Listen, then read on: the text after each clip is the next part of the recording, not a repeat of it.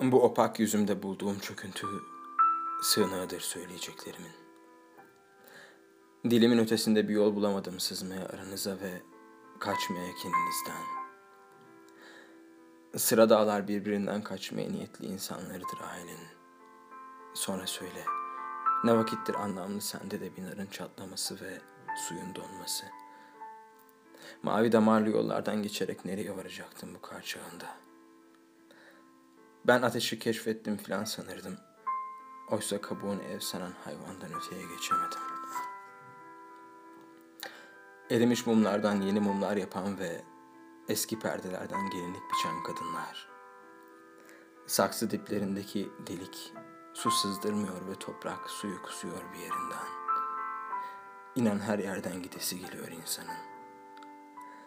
Kendini tozlu bir şatonun üst katlarındaki odalara kilitlemiş. Derisini yüzüp insan kılığına giren bir deli adamdır aramızda büyüyen. Ve büyürken hiç durmadan götüren peşi sıra getirdiklerini.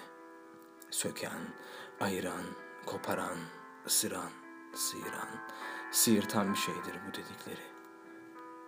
Ormandan kaçarak şehre varacağım yolları unutan benim.